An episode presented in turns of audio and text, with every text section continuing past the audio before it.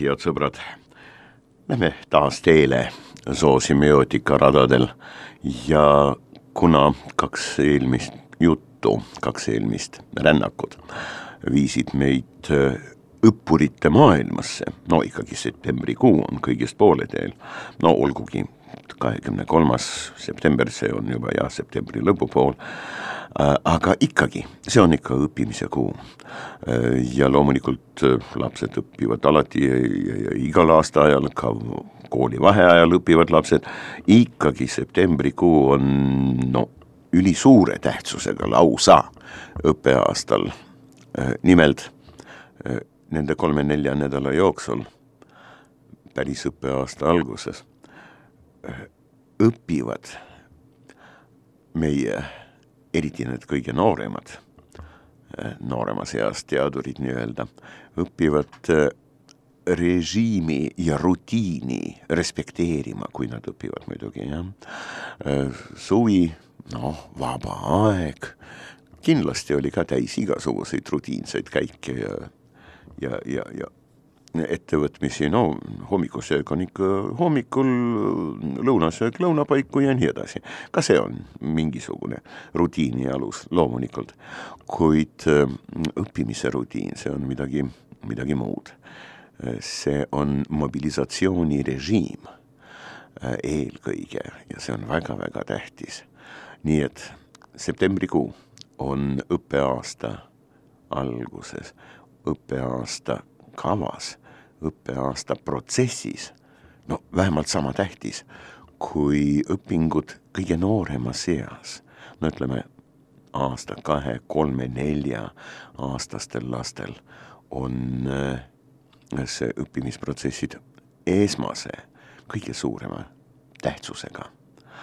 kuid äh, ausõna, mul ei olnud plaanis jätkata kohe täna jälle kooliteemadel, hoopis vastupidi ma lausa pean, mul ei ole sellest pääsu, äh, eilset päeva, nimelt kahekümne teist septembrit, äh, meelde tuletama, noh, kõigepealt endale, mul on alati hea meel seda teha, ja mul on mitte vähem hea meel teile ka meelde tuletada, et kahekümne teine september on ülemaailmne, ülemaailmne. Elevantide päev. elevandid vaat nendest räägimegi täna.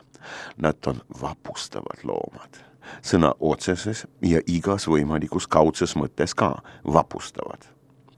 kõige suuremad maismaaloomad üldse, vähemalt retsentsed, noh, ütleme, kui me räägime nüüd nii-öelda maailma loomariigi ajaloost, siis nüüdis loomariigi nüüdise ajaloo.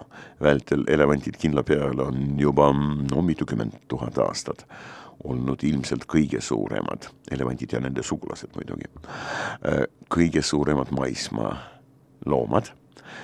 Ja elevandid suudavad vapustada maakoort sõna otseses mõttes, loomulikult mitte nii nagu mõni päris suur ja vägev maakooreplaatade mingisugune nihe vapustab meie linnu ja meid kõiki, kuid jah, elevantide poolt tekitatud ja nad teevad seda regulaarselt, minimaavärin on inimestele väga hästi, väga hästi tunda.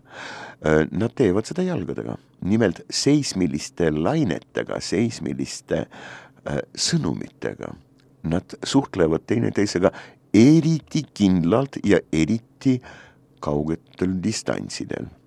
Äh, loomulikult elevantidel on hiilgav kuulmine äh, ja infraheli, mida nad tekitavad äh, noh, urisedes või tegelikult nurrudes, elevandid nurruvad. Kusjuures, kui me räägime päris nurrumisest, no näiteks päris kaslaste puhul, siis me peame silmas vot sellist erilist häälitsust, mida ei tehta tegelikult häälepaeldega, vähemalt mitte ainult häälepaeldega, vaid spetsiaalsete anatoomiliste mehhanismide abil. Ja mida, mis on kõige tähtsam, tehakse nii välja kui ka sissehingamisel. no väljahingamisel ka mina võin teeselda, imiteerida nurrumist. no las ma proovin. no nurrun nagu kõuts kunagi, eks ole, aga vot tegelikult teps mitte, ma ei nurru, ma just nimelt teesklen, sest päris nurrumine käib nii välja kui ka sissehingamisel ja elevandid suudavad seda teha ka.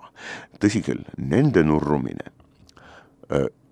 kõlab nii veidralt, et kui sa oled elevandist kas või kahe-kolme meetri kaugusel, sa ei aja koju, kus kohast elevandi kerest see tamm-tammi põrin tuleb, kas äkki kõhust?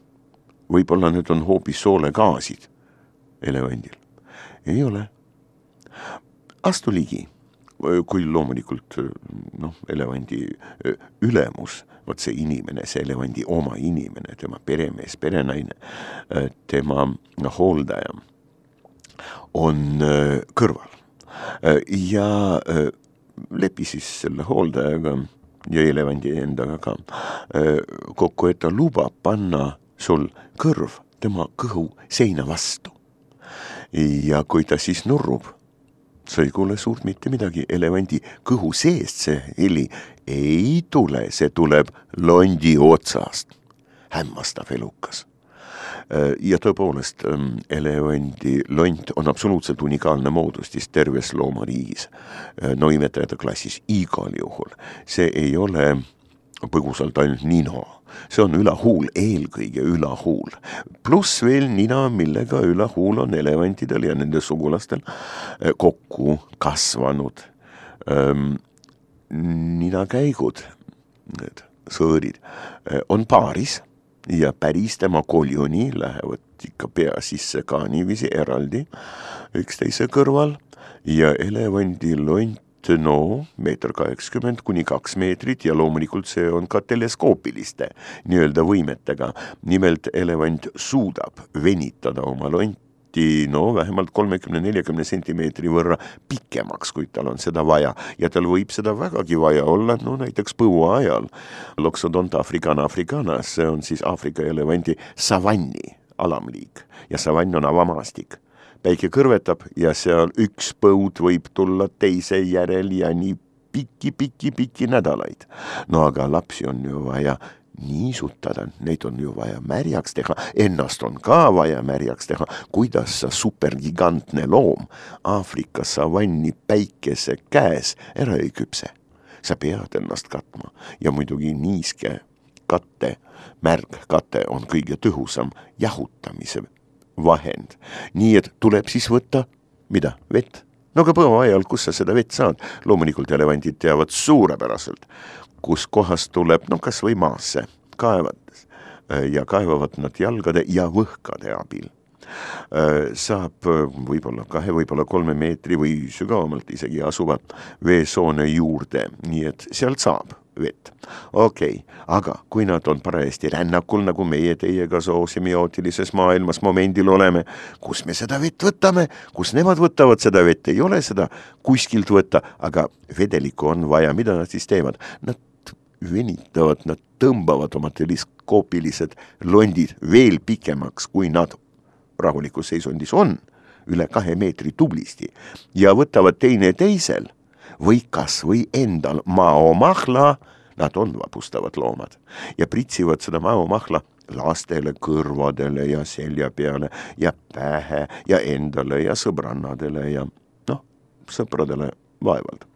sellest me jõuame veel rääkida millised suhted on täiskasvanutel suuküpsetel, täisõiguslikel elevantidel ähm, nii-öelda äh, eri soo esindajate vahel. Äh, kuid äh, jah, sellised vapustavad loomad selle oma londiga suudavad tõesti teha uskumatuid asju, lausa uskumatuid, noh näiteks seesama lont, millega äsja sai võetud endal maomahla. see kõlbab suurepäraselt selleks, et te ainult kujutage ette, kuiva peenikest liivatolmu kilode kaupa võtta ja londi sisse tõmmata ja siis puistata oma märja naha peale, et märg koorik moodustuks. selline koorik, noh, aurumise protsessil. loomulikult jahutab suurepäraselt ja kaua, mis on väga tähtis. aga jah, kui me räägime elevantidest ja katsume neid võrrelda näiteks inimestega, me leiame vapustavalt palju noh, võrdluse momente. nimelt inimese keskmine eluiga, noh, Eestis on üks ja ütleme seal Rootsis on teine. ja muidugi kuskil Botswanas on hoopis kolmas. kuid keskeltläbi see on kuskil no umbes seitsekümmend aastat, pluss-miinus, nii palju siia-sinna. no täpselt sama eluiga on ka elevantidel. Aafrika elevandi keskmiselt usaldusväärne ähm, eluiga on umbes seitsekümmend kaks, pluss-miinus noh, kuskil neli-viis-kuus aastat mõni elab üle seitsmekümne kahe tublisti, seitsmekümne viie, kuueaastaseks, selliseid ei ole palju. enamus elab siiski seitsmekümneaastasteks, aga seitsekümmend kaks on hea usaldusväärne keskmine. mis siis saab elevandist? no elas ta seitsmekümne kahe aastaseks. kas ta siis põeb mingisuguseid jubedaid haigusi? Kas ta siis saab, no elevandi puhul see peaks olema eriti kurnav ja, ja, ja hirmuäratav haigus, näiteks nohu. no kui sul on kahe meetri pikkune mm, lont, nina ja huul ja sul on raske nohu, no eluisu peaks nagu kaduma. ei, ei, mitte midagi niisugust elevantidega ei toimu. lihtsalt keskeltläbi seitsmekümne kahe aastaselt elevantidel ei tule enam, ei ole enam suus ega ei tule juurde uusi hambaid, millega süüa. võhad on, aga võhad, mis on loomulikult lõikehambad, ülalõua, kaks lõikehammast, intsissiivi, kasvavad ja tegelikult elevandipojakene, selline umbes sajakilone, meetri kõrgune, hästi armas tegelane, sünnib ja tal on suus juba piimavõhakesed olemas. Nad on tibatillukesed võrreldes päris võhkadega, kuid nad on täiesti olemas. Neid ta varsti vahetab ja see vahetus, võhkade vahetus toimub elus ainult üks kord. päris võhkade vastu, mis kasvavad eluaeg, aga mis saab edasi tema hambavalemiga, sellest räägime peale väikest vaheaega. loomult loom.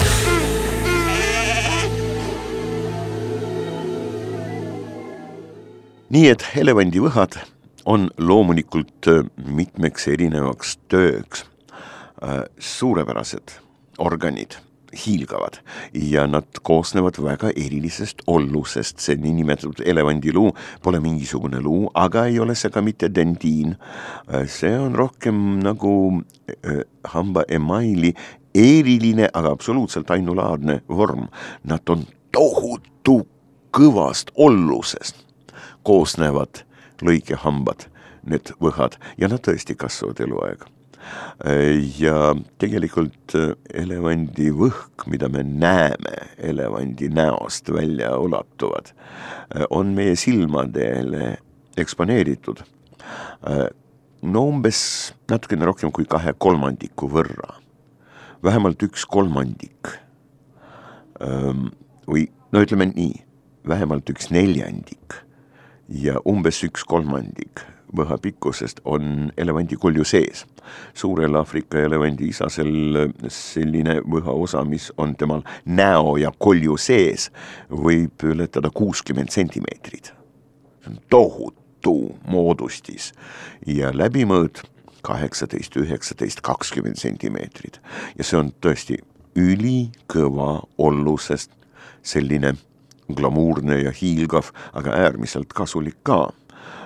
Mitte ainult eputamiseks loomulikult. Väga,, väga-väga kasulik organ, elevandivõhk.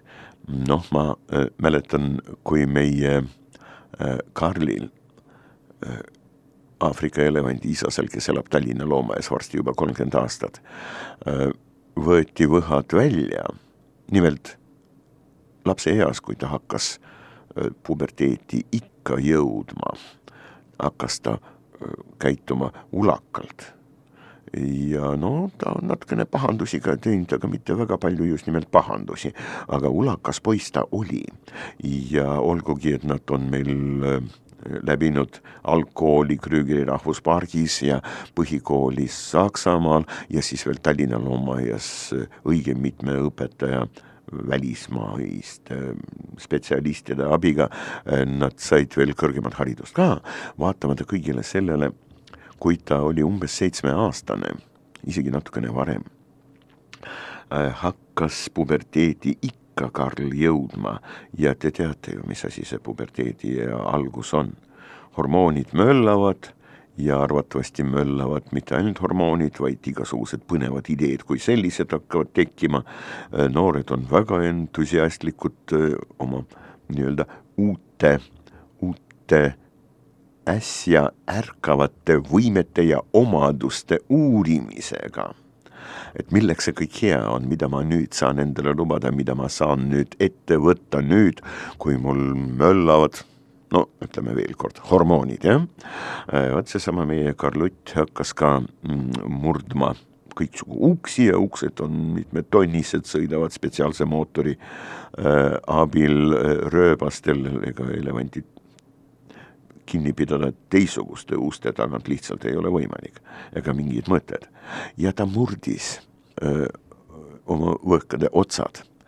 Ilmselt siis juba hakkas tal arenema nekrobatsilloos, hambahaigus, mille pärast tema kõrgemas juba eas, kui ta oli üle kahekümne aasta vana, tuli need võhad tal siiski välja võtta kokku leidis aset viis operatsiooni, Inglismaal spetsiaalne äh, stomatoloogide, anestesioloogide ja mm, ka nende abiliste brigaad iga kord tuli kohale, nad tegid seda viimast operatsiooni umbes neli ja pool tundi. Kaasnarkoosi, florediinnarkoosi all oli meie Karl, pärast oli tükk tegemist, et ta jalgadele jälle püsti saada. Noh, loomulikult on olemas sellised ained nagu suurte imetajate immobiloon, ülivõimas aine ja sellest ainest no ainult mm, isegi mitte kahte grammi ei tohi kasutada. Ähm, järjest nii-öelda, isegi elevanti puhul ja Karl kaalus umbes kuus tonni. praegu ta on ilmselt üle kuue tonni raske, ta on väga suur, ka Aafrika elevandi isase sellise Aafrika elevandi pulli kohta, ta on väga suur loom ja jumal tänatud, praegu ta on väga terve juba aastaid peale seda viimast operatsiooni.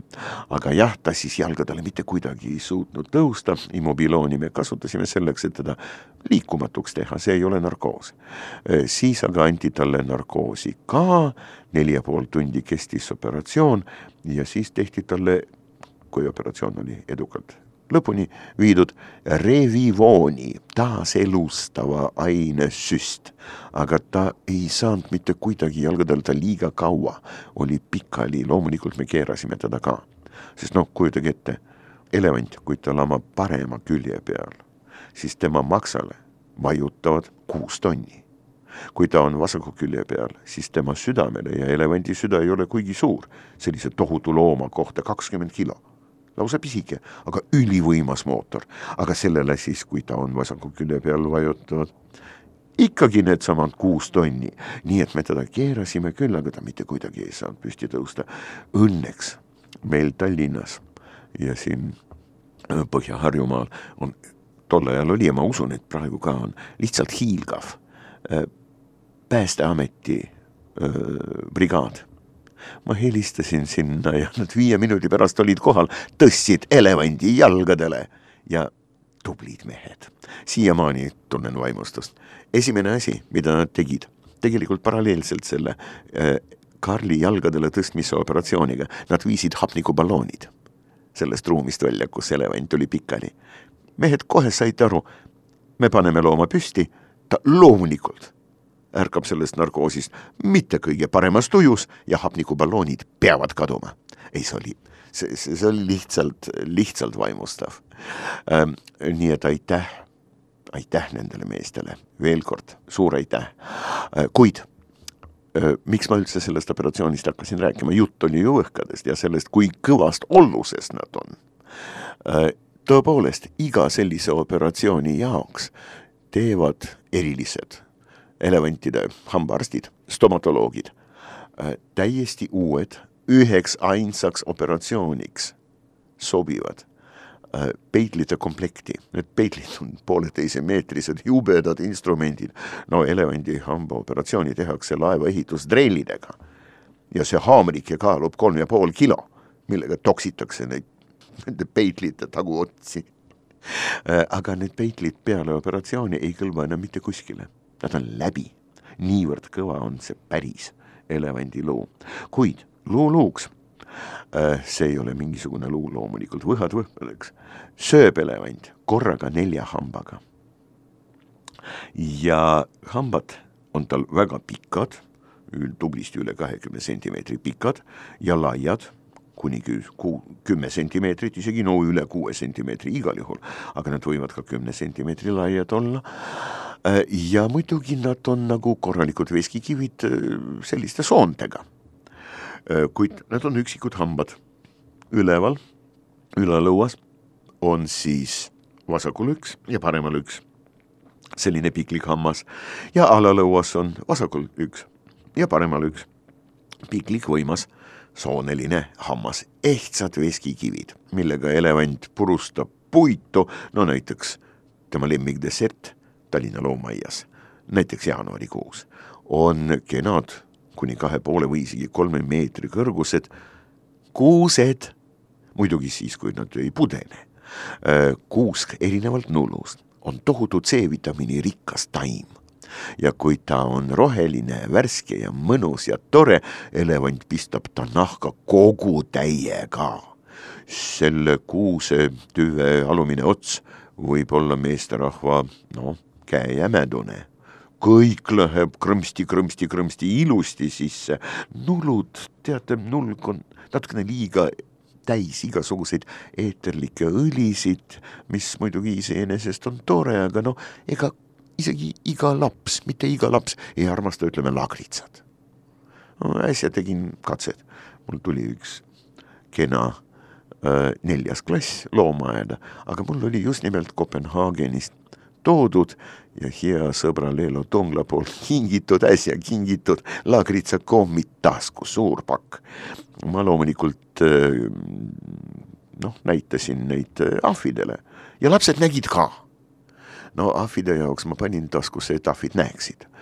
Äh, mõned kommid ja kõik ülejäänud jagasin lastele ja kujutage ette, kahekümnest, umbes kahekümne neljast, viiest lapsest kuskil kolm või neli teatasid mulle, et nad ei taha lagritsakommi.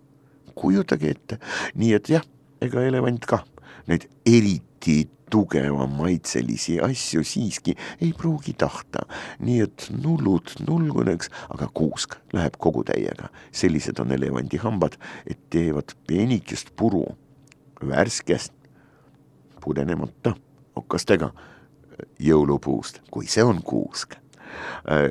selliseid hambaid, millega ta sööb, kasutab ta elu jooksul kakskümmend neli. nii et kuus komplekti. Igas komplektis neli hammast. ja tegelikult tema hambavalem on järgmine. kui me vaatame ühe suu poole pealt, lõikehambad, üks üleval, null all, kihvad, null, null, kihvu elevandil ei ole, siis on ebapuri või eespuri hambad, need premolaarid need on siis ühel näopoolel nii-öelda jah, paremal ja siis vastavalt vasakul on sama öö, olukord. on kolm elu jooksul üleval ja kolm elu jooksul all ja päris purihambad ehk molaarid. Need on ka elu jooksul kolm üleval ja kolm all, kokku kuus korda neli hammast, millega ta sööb ja hammaste vahetus toimub vertikaalselt, päris kindlasti mitte. loomulikult mitte. vertikaalne hambavahetus on meil, loomulikult kiskjalistel ja loomulikult esikloomalistel ja väga paljudel teistel loomadel. no näiteks krokodillidel, minu kallis armas vanamees, no ta on umbes viie meetri pikkune, viiekümne kolme aastane ja neljasaja kilone, on selline elukas mul, noh, hea tuttav, juba nelikümmend aastat Tallinna loomaaias. tema vahetab hambaid, noh, nagu meie kindaid, ei palju sagedamini kui meie kindaid. minu kindad teenivad reeglina neli-viis aastat vähemalt ja tema vahetab noh, oma kuuekümnest hambast mõned, no praktiliselt iga mõne kuu tagant iga kahe nädala tagant tema basseini põhjas on hambad. vertikaalne hambavahetus, uus hammas kasvab kiiresti, kasvab alt ja need tema hambad on koonilised. igal juhul nad ei ole eriti laiad. Nad kasvavad alt üles ja lükkavad vana hammas koha pealt välja, kasvavad kiiresti tema asemele. ja hambaid, ma veel kord rõhutan, vanamehel on üle kuuekümne eks ole. nii et kui ta ei vaheta neid korraga ja seda ta loomulikult ei tee, siis tal on suus hambaid alati olemas, millega fikseerida saaklooma, no siis rebida tükkideks ja nii edasi. elevandil on aga lõugades hambaid ühekaupa kokku neli suus korraga, nii et uus hammas tuleb vana hamba järele. Tagant ette hakkab kasvama, tal on horisontaalne hambavahetus, nii et elevandi elus ei ole ühtegi hetke, millal elevant oleks hambutu. ta saab süüa kogu aeg ja ta peab saama, sest tema noh, normaalne dieet, ta kasutab seal Aafrikas umbes sadakond, Aasias üle kolmesaja erinevat äh, taimeliiki äh, söögiks. On suur maiustaja. No näiteks äh, Aafrika elevandikari võib lausa, lausa sõda välja kuulutada mõnele teisele karjale, kui kuskil saab avastatud suur marula puu, ilusad, täiesti ümmargused, no ütleme, väikese ploomi suurused. kui nad on küpsed, nad on kergelt nagu veidi läbipaistvad, kuldsed tohutu mahlakad viljad, tõesti väga maitsvad, inimesed ka lähevad hulluks, kui nad äh, ei, ei saa neid süüa palju-palju-palju ja teha nendest veini ja moosi ja mahla ja igasuguseid muid asju. marulapuu, marulavili on hiilgav, marula puuviljade kasutamise pärast, õiguse pärast elevandid võivad tõesti lahingule minna, kuid üldiselt elevant sööb roht, taimi ja oksi ja kokku sedalaadi ollust umbes kakssada kilo päevas. aga kuidas ta seda teeb, sellest peale vaheaega. loomult loom.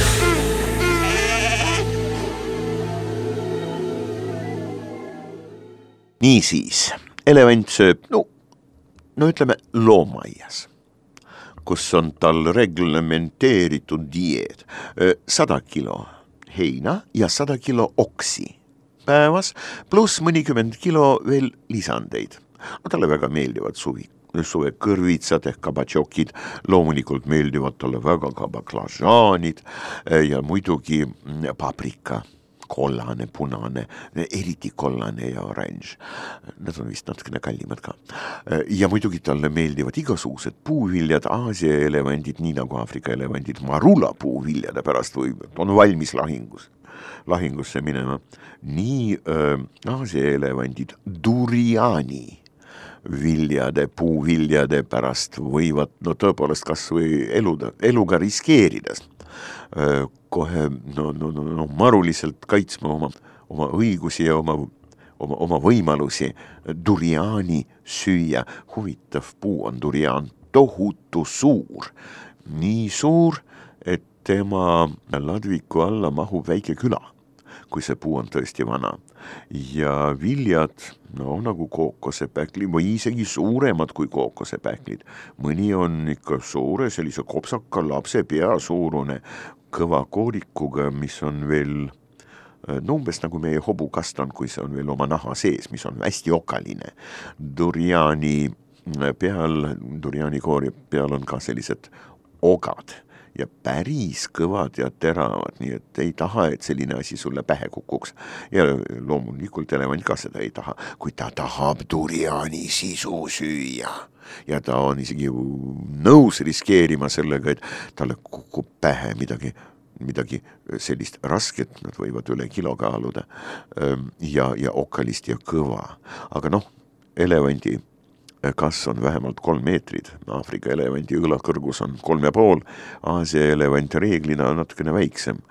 Äh, kõige suuremad on Ceyloni Aasias elavate elevantide seas, Ceyloni ehk Sri Lanka äh, elevandid, äh, ka India elevant on päris suur. Kokku on Aafrikas kolm elevandi alamliiki ja Aasias samuti kolm alamliiki. Ja Aasias, kui me siis juba duriani puu juures, mis kasvab ainult Aasias, oleme, siis räägime äh, Aasia elevandi alamliikidest. India elevant enam levinud, Tai, Lao, Kambodža ja muidugi teda on ka Malakka poolsaarel, Malaisias on neid ja äh, Nad on kõige arvukamad ja nad on kõige varieeruvamad keskeltläbi Aasia elevandid kõik on keskeltläbi väiksemad kui Aafrika savannielevandid.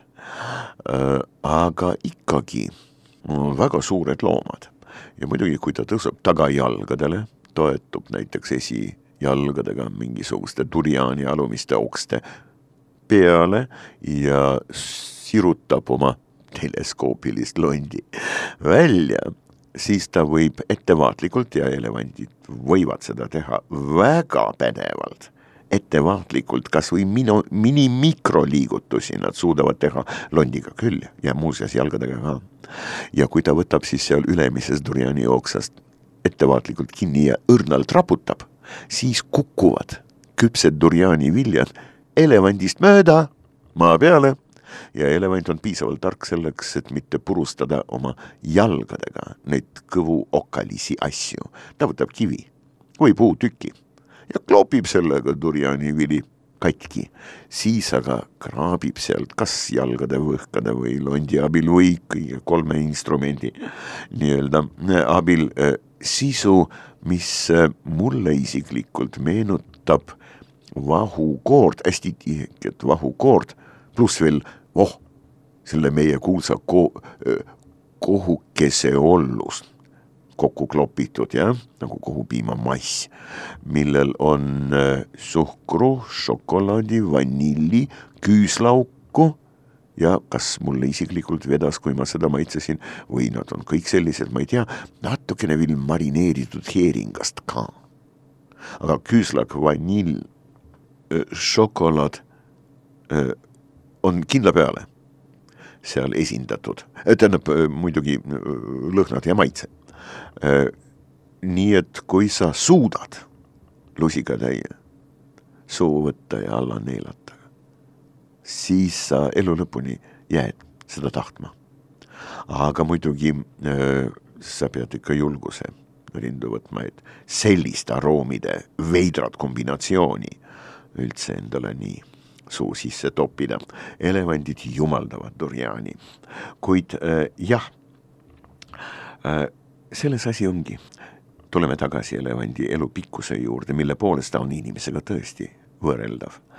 elevant kulutab ära oma hambad üks komplekt teise järele, pidevalt järjepanu, kogu aeg süües.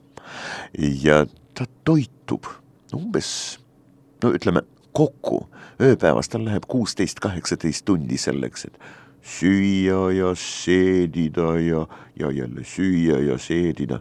Äh, jah, ta ei ole muidugi mäletseja, nii et kui ta magab, ta magab, aga jah, seedimisprotsessid tal komplekteeruvad umbes kuueteist, kaheksateist tunni jooksul ähm, peale söömise al alustamist nii-öelda. noh, võrdluseks meil, inimestel, reeglipäraselt, kui me sööme, neelame alla seedime. kogu selle protsessi peale läheb umbes kaksteist tundi. Umbes kaksteist, elevandil ikkagi kuusteist, kaheksateist, mis ei ole palju tegelikult. elevandi sõnnikus on äh, tohutu palju, kakskümmend viis protsenti vähemalt toiduga saadud orgaanilisest ollusest alles. nii et elevandi sõnnik on toiteaine loomulikult tuhandetele putukaliikidele. noh, kas või needsamad pühasitikad, skarabeused, jah. Äh, see on siis, äh, te teate, seesama sõnnikumardikas, kes teeb kuulikesi sõnnikust ja veeretab tagajalgadega. noh pea allapoole niiviisi toetudes esijalgadele, lükates siis tagajalgadega seda kuulikest, ta siis rändab niiviisi Aafrikas ringi, seni kuni leiab parajat paika, kus on väga hea sellist sõnnikukuulikest maha matta, sõltuvalt temperatuuri niiskuse režiimist ja mulla omadustest, vahest meetri sügavusele. seal siis istub selline mardikas kenasti ja ta tõesti on istuva looma poosis. Äh, selle kuulikese äh, juurde, hakkab siis sööma, sööb ja kakib, sööb ja kakib kolm ööpäeva järjest umbes.